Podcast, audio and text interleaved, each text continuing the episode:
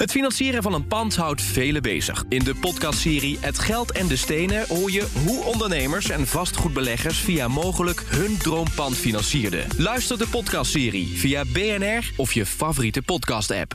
Vastgoed gezocht wordt gesponsord door mogelijk vastgoedfinancieringen. BNR Nieuwsradio. Vastgoed gezocht. Maarten Bouwhuis en Maarten de Gruiter. De verhuurdersheffing verdwijnt en daar zijn de woningcorporaties maar wat blij mee. Maar voor wat hoort wat, het nieuwe kabinet wil dat ze de komende jaren nog meer inzetten op de bouw van flexibele en vooral betaalbare woningen. De vraag van deze week: gaat ze dat lukken? Dit is vast goed gezocht, jouw wekelijkse update over de wereld van de stenen. Je hoort ons elke maandagavond op BNR en altijd online natuurlijk gewoon via de BNR-app, bnr.nl of jouw favoriete podcast-app. Maarten de Gruiter staat naast mij projectontwikkelaar en co-host van dit programma.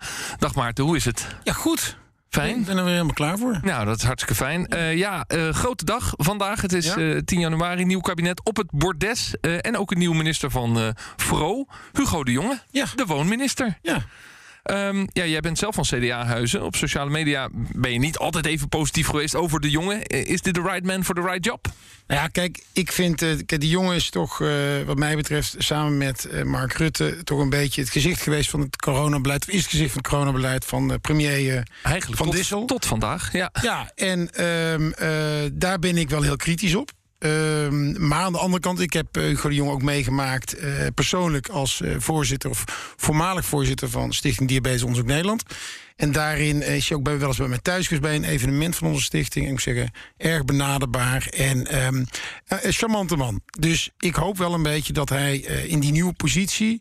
bij met name toch de, de lokale bestuurders... wel een bepaald gezag zal gaan hebben. En ja, ik hoop dat hij dus op dat departement... een iets andere minister zal gaan worden. Ja, hij moet zich natuurlijk wel invreten in, laten we zeggen, ruimtelijke ordening, ordening en woningbouw.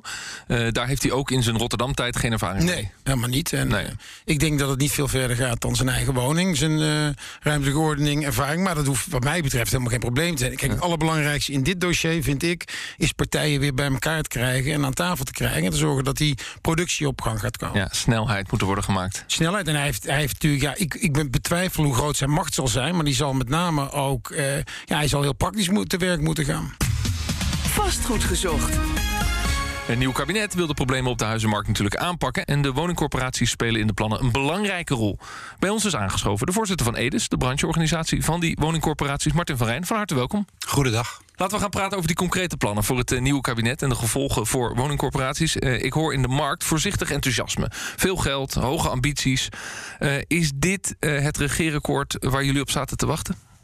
Nou, voor wat betreft die verhuurdersheffing zeker. Want dat was een enorme kiezel in de schoen, om maar zo te zeggen. Dat de corporaties echt 2 miljard per jaar aan middelen gewoon kwijt waren. En dat er ook niet geïnvesteerd kon worden. Dus die, dat, is, dat is weg. En dat is heel mooi.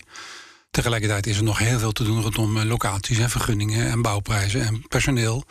Maar goed, dat zijn we natuurlijk wel gewend. We, we, hebben een traditie als corporatiesector dat het in het verleden ook kon.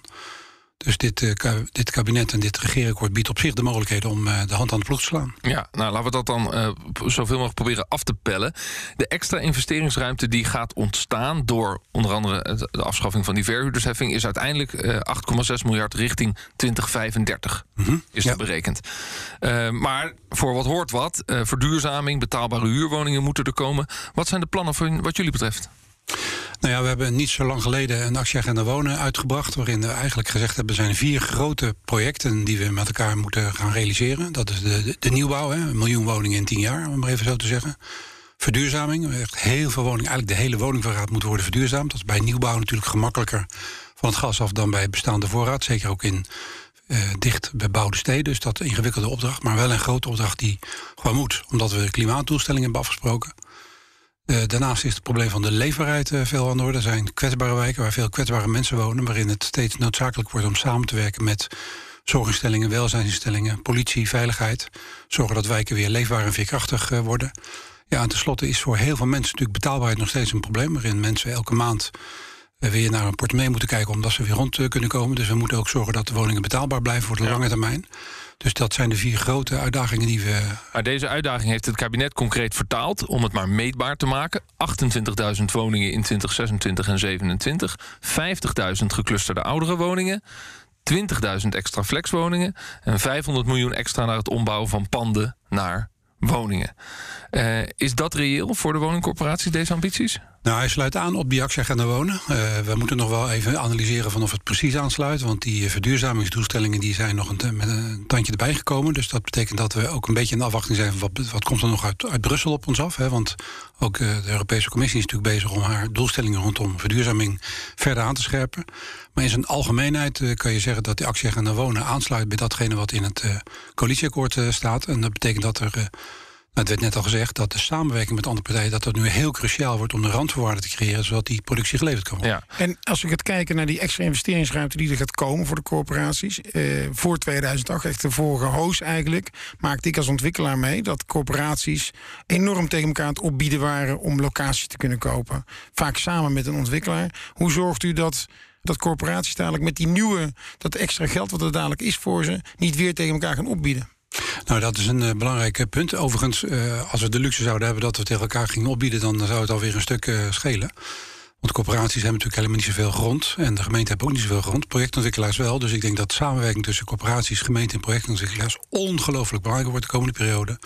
Om niet alleen tempo te maken, maar om ook heel snel duidelijkheid te krijgen over waar in welk tempo gebouwd kan worden. Dus ja, het is, het is, ik heb al eens een keer eerder gezegd: de woningcrisis is zo groot dat de tijd van domeingevechten voorbij is. Dat we niet moeten gaan zitten dimdam over vragen wie mag het doen. We moeten het allemaal doen en we moeten het en-en doen.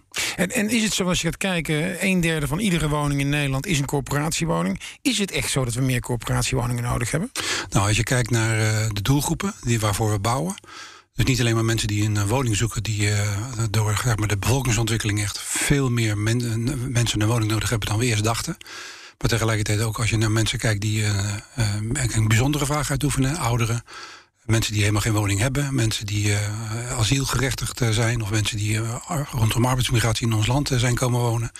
Ja, dat betekent dat er eigenlijk 30% van de nieuwbouw sociaal moet, zou moeten zijn, betaalbaar zou, moeten zijn. Zou, moeten zijn, dat, dat is de lijn. en dat is ook een reële lijn. Ik bedoel, je, je kunt ook zeggen van nou ja, we willen naar 20%, want we willen die markt gewoon wat veranderen. Ja, maar dat zou betekenen dat je tegen heel veel mensen zegt van voor jou geen betaalbare woning. En ik denk dat die betaalbaarheid echt een heel groot issue is en blijft. Dat we grosso modo 30% eh, sociaal moeten proberen te realiseren, zowel bij nieuwbouw als in de voorraad. Nou, laten we dan toch proberen te onderzoeken hoe je die betaalbaarheid dan realiseert. Want Maarten, wat jij eigenlijk zegt is, toch nog even terug daar naartoe. In de vorige crisis uh, was er wel veel geld bij corporaties. En die boden toen dus hogere prijzen dan dat jij als projectontwikkelaar uh, reëel vond. Nou, dat ook. Maar we, het grote probleem wat in, dit, in deze casus vind ik... dat ze tegen elkaar aan het opbieden waren. Dus jij bent ontwikkelaar, ik ben ontwikkelaar. We gaan beide bieden op iemand die iets verkoopt. Jij neemt de corporatie mee voor jouw gedeelte sociale woning en ik ook. En vervolgens gaan die corporaties tegen elkaar opbieden om die locatie te krijgen. En dat lijkt me natuurlijk niet zo goed, dan, dan doe je het natuurlijk verkeerd. Nee, en, met die en extra investeringen. En u zegt eigenlijk, er zal juist moeten samen worden gewerkt uh, om het allemaal te realiseren. Maar tegelijkertijd is het wel een marktmodel, bijvoorbeeld voor het verkrijgen van gronden. Hoe gaan we dat nou doorbreken? Dat we, dat we nou dan geen last hebben van dat marktmodel en gewoon gezamenlijk de juiste partijen op de juiste uh, projectontwikkelingsplannen zetten. Ja, als we ergens last van hebben rondom die wooncrisis, is dat het gebrek aan locaties. En dat betekent van dat uh, eigenlijk gemeenten vroeger veel locaties ook hadden en ook uh, gingen verwerven, die dan ter beschikking stelden aan partijen. Ik denk dat nu woningcorporaties helemaal niet zoveel locaties hebben, gemeenten hebben niet zoveel locaties, projectontwikkelaars denk ik wel. Dus ik, uh, het is misschien ook een oproep aan projectontwikkelaars om die samenwerking ook vorm te geven. Want als er één probleem is dat we gaan moeten, wat we moeten gaan tackelen, is het gebrek en de snelheid van locatieontwikkeling. Ja, klopt die analyse? Heb jij die ervaring ook? Nou, ik, ik weet niet of zoveel bij ontwikkelaren uh, zit. Ik denk dat er nog steeds heel veel ook bij, juist bij overheden zit. Uh, overigens, wat ik wel moet zeggen, is dat eigenlijk eh, mijn ervaring is dat al en al heel lang is dat ontwikkelaar eigenlijk heel goed samenwerken met uh, corporaties. Tenminste, in al onze projecten werken we heel goed samen met. Uh, ja, uh, met dat, dat, is in ieder geval noodzakelijk voor de snelheid die, die, die gemaakt moet worden. Ja, en ik denk echt, echt die, zeg maar, de beschikbaarheid van locatie. Niet alleen maar dat die, die aangewezen zijn als met zwarte letters op wit papier. Maar vooral ook dat ze ontwikkeld worden. Dat de infrastructuur aangelegd kan worden. Dat er gebouwd kan worden. Hè, dat er echt bouwrijp gemaakt kan worden. Ja, dat is echt een belangrijk vraagstuk. Overigens, een van de eerste punten waar ook een nieuwe minister zich over moet buigen: van waar bouwen we welke woningen en in welk tempo. Welke gebieden worden daarvoor aangewezen en welke partijen gaan dan vervolgens aan de slag? Laten we, daar, laten we daar straks nog eventjes naar kijken, want dat is inderdaad een belangrijke vraag. En hoe ziet die regiefunctie van Hugo de Jonge er dan uit? Eh, de prijzen voor, eh, voor grond, maar ook materiaal stijgt enorm. En de prijzen voor inzet van personeel, uh, bouwers, stijgt ook. Uh, ik weet niet wat een, wat een stukje door tegenwoordig kost, maar het is nu al een stuk meer dan drie, vier jaar geleden. Um, hoe bouwen we dan betaalbare woningen als je aan de andere kant die prijzen overal ziet stijgen? Ja, dat is uh, zorgpunt 2, om maar zo te zeggen. De bouwkostenstijging. We moeten denk ik ook heel erg opletten dat we niet de, de crisis zich vertaalt in onnodig hoge prijzen. Want dat, uh, dat zou echt een uh, desastreus zijn. En dat, we moeten de komende periode echt zorgen dat we veel meer woningen bouwen en de bouw, bouwprijzen beschikbaar, betaalbaar houden. Tegelijkertijd verwacht ik ook nog wel veel van het uh, industrieel en modulair bouwen. Waarin we kunnen zeggen van hoe kun je zorgen dat nieuwe bouwmethoden ertoe leiden dat je met minder uh, materiaalgebruik, met uh, lagere kosten toch ook in tempo woning kan realiseren. Ik, ik, ik, zie daar mooie initiatieven, mooie voorbeelden van. Wat een van de antwoorden zou kunnen zijn om zowel de productie snel op, op, op peil te brengen als de betaalbaarheid van, de, van het bouwen in de gaten te houden. Ja.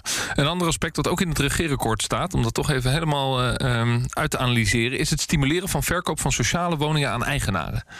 Uh, um, ja, links is daar eigenlijk altijd een beetje tegen, want het verschaalt het aanbod van sociale woningen. Zeker als je bijvoorbeeld plukjeswoningen in wijken gaat verkopen aan die eigenaren. Hoe staat Edes eigenlijk in die discussie? Nou, heel kritisch. Want uh, we hebben nu al een uh, tekort aan betaalbare woningen. En als we nu zeggen van dan gaan we die, van die betaalbare voorraad gaan we woningen verkopen. Waarin de, als het ware de sociale voorraad gewoon kleiner wordt. Dan maken we het probleem eerder groter dan kleiner. Dat wil niet zeggen dat we in principieel tegen verkoop aan woners zijn. Sterker nog, corporaties doen het ook. deels om te zorgen dat er middelen beschikbaar komen om weer te investeren in andere woningen.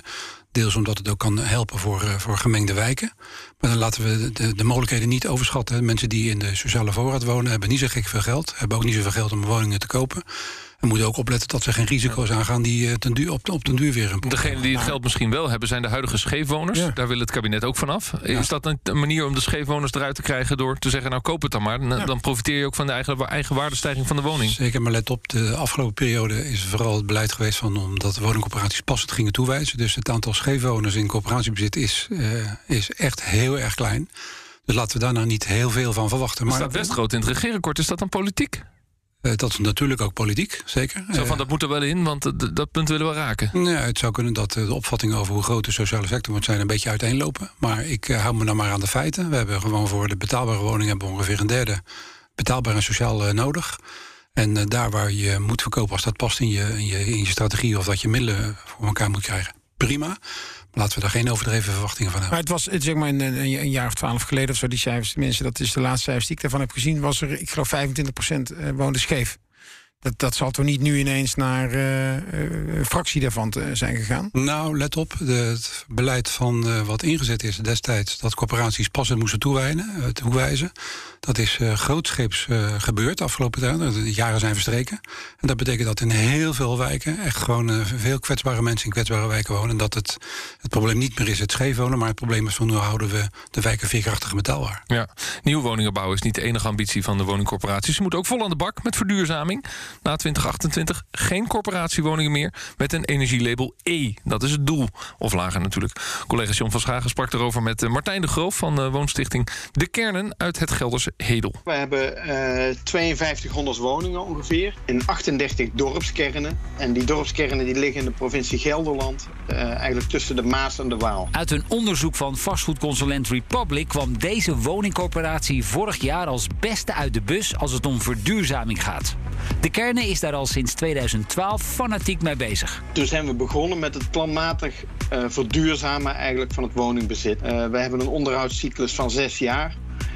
Uh, laten we planmatig de woningen die we aanpakken ook meteen isoleren. Dus uh, voorzien van spouwisolatie en dakisolatie, dubbele beglazing en vaak ook vloerisolatie. Uh, In 2014 kwamen de eerste zonnepanelen op toen nog 200 daken. Kosteloos voor bewoners. En dat ging eigenlijk heel goed en dat programma wilden wij graag doorzetten. Toen hebben we daarover overleg gehad met onze bewonersraad. En eigenlijk samen de keuze gemaakt van we vragen één keer een extra huurverhoging van 1% aan alle huurders. En daarmee kunnen we ons programma continueren. Met succes, want inmiddels heeft ruim driekwart zonnepanelen op het dak. De basis van dat succes ligt volgens Van Groof in drie dingen. Klein beginnen, een consistent beleid voeren en samenwerking. We zijn vanaf het allereerste begin, hè, vanaf die 200 woningen die we met de provinciale subsidie konden doen, eh, zijn we met de bewonersraad hebben we daarbij betrokken. Hoe dat we dat deden, wat dat oplevert, wat dat bespaart ook hè, eh, in woonlasten. Ja, en uiteindelijk dus echt in samenspraak met de bewoners hebben we dit project uitgerold. En, eh, dat maakt het ook wel succesvol. De komende jaren zet de kernen vooral in op de installatie-technische kant. Meer hybride cv-ketels bijvoorbeeld.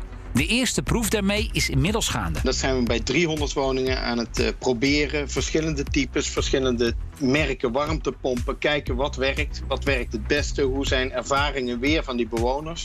Eh, 300 woningen is eigenlijk voor ons dan een experiment. Om dan weer te kijken hoe zetten we de volgende stap naar CO2-neutraal. Dat zei Martijn de Groot van uh, Woonstichting De Kernen. Ik praat verder met Martin van Rijn, voorzitter van de koepelorganisatie van woningcorporaties, EDES. Ja, hoe luistert u naar dit verhaal? Is dit de manier waarop het moet? Nou ja, je ziet dat het grote voordeel wat corporaties hebben... is dat ze natuurlijk een grote voorraad hebben. Uh, en waarin je dus planmatig onderhoud en verbetering kan doen. En als je dat planmatig doet, dan kun je bij die maatregelen... bij dat beleid, kun je natuurlijk ook gewoon meenemen... de verduurzaming die je moet realiseren. En je ziet ook dat corporaties in het kader van grote onderhoud... of renovatieprogramma's ook gewoon grootscheeps isolatie aanpakken. Ja. Uh, we hebben destijds gezegd van we willen op een bepaald gemiddelde, gemiddelde label B uitkomen uh, dit jaar. Nou, dat lijkt uh, te lukken. En tegelijkertijd zie je wel dat, dat de ambities nog wel wat worden aangescherpt. Ik zei het net al. Vanuit Europa komen er nog wat aanvullende eisen om te zorgen dat die verduurzaming nog verder tempo gaat. Dus wat deze coöperatie doet is een mooi voorbeeld. Wat heel veel coöperaties doen. Uh, maar tegelijkertijd moeten we ons wel realiseren... investeren in verduurzaming is natuurlijk ook vaak onrendabel. Je kan niet alle lasten daarvan bij de bewoner neerleggen... die het al zo zwaar hebben. Dus dat betekent dat je toch ook afhankelijk bent van nou, overheidssteun. En, uh, dat is ook het punt waarin, waarin u zegt... ja, daar zal mogelijk vanuit Den Haag nog weer meer geld bij moeten komen. Ja, en vanuit uh, Brussel. Brussel heeft ook Nederland opgeroepen om uh, haast te maken met het hervormingsprogramma, zodat er extra middelen ter beschikking komen, ook voor die verduurzaming. We zijn dus, het enige uh, land in Europa wat het coronaplan niet heeft ingevuld, hè? Ja, dus, ja. maar goed, er is nu een nieuw kabinet, dus nee. ik verwacht dat het de komende maand maar nog, gebeuren. Nog even naar de realiteit van die verduurzaming. namelijk, ehm, in dit voorbeeld gaat het over isolatie en zonnepanelen. maar er is ook heel veel tijd en energie geïnvesteerd in nul op de meter woningen. Waarbij kleine corporaties helemaal worden ingepakt. een enorme investering. Hoe reëel is dat om dat nou grootschalig door te zetten? Of moeten we het gewoon houden bij isolatie en woningen C, woningen B-label maken? Ik denk dat het een beetje gelaagd beleid is. Dat je zegt, bij nieuwbouw kun je natuurlijk uh, snel proberen te zeggen van hoe, wat voor investeringen zijn nodig om nul op de meter te krijgen. Bij bestaande voorraad uh, denk ik dat er een groot accent nu ligt op isolatie. En je merkte het in, het, uh, in deze uitzending al even, het item van net. Dat ook gekeken wordt van ja, wat, hoe ontwikkelt die techniek zich nou? Hè? Hoe zit ja. het met die hoge elementketels? Hoe kun je hybride warmtepompen doen? Welke techniek, technologische verwachtingen zijn er nog? Dus je ziet nu een beetje nul op de meter bij nieuwbouw, isolatie in de bestaande voorraad en uitvinden van welke technische technologische ontwikkelingen zijn om dat nog verder te brengen. Ja. Als je gaat, je, die enorme voorraad woningen die de corporaties hebben, waar die enorme druk vanuit de overheden op zit om te verduurzamen. Aan de andere kant moeten een heleboel woningen bij komen. Daar kun je, je, kun je geld ook maar één keer uitgeven. Waar, waar, waar moet dan de nadruk op liggen? Op nieuwe woningen, zorgen dat iedereen een dak boven zijn hoofd heeft? Of uh, hele oude woningen, eigenlijk een beetje uh, veel te veel geld in gaan aan gaan spenderen. Nou ja, je kan al die oude woningen, want zoals je zegt, niet allemaal even, slopen. Hè? Dus soms moet je dat misschien ook doen, omdat dat energie energetisch niet rendabel gaat worden, ook in de komende jaren niet.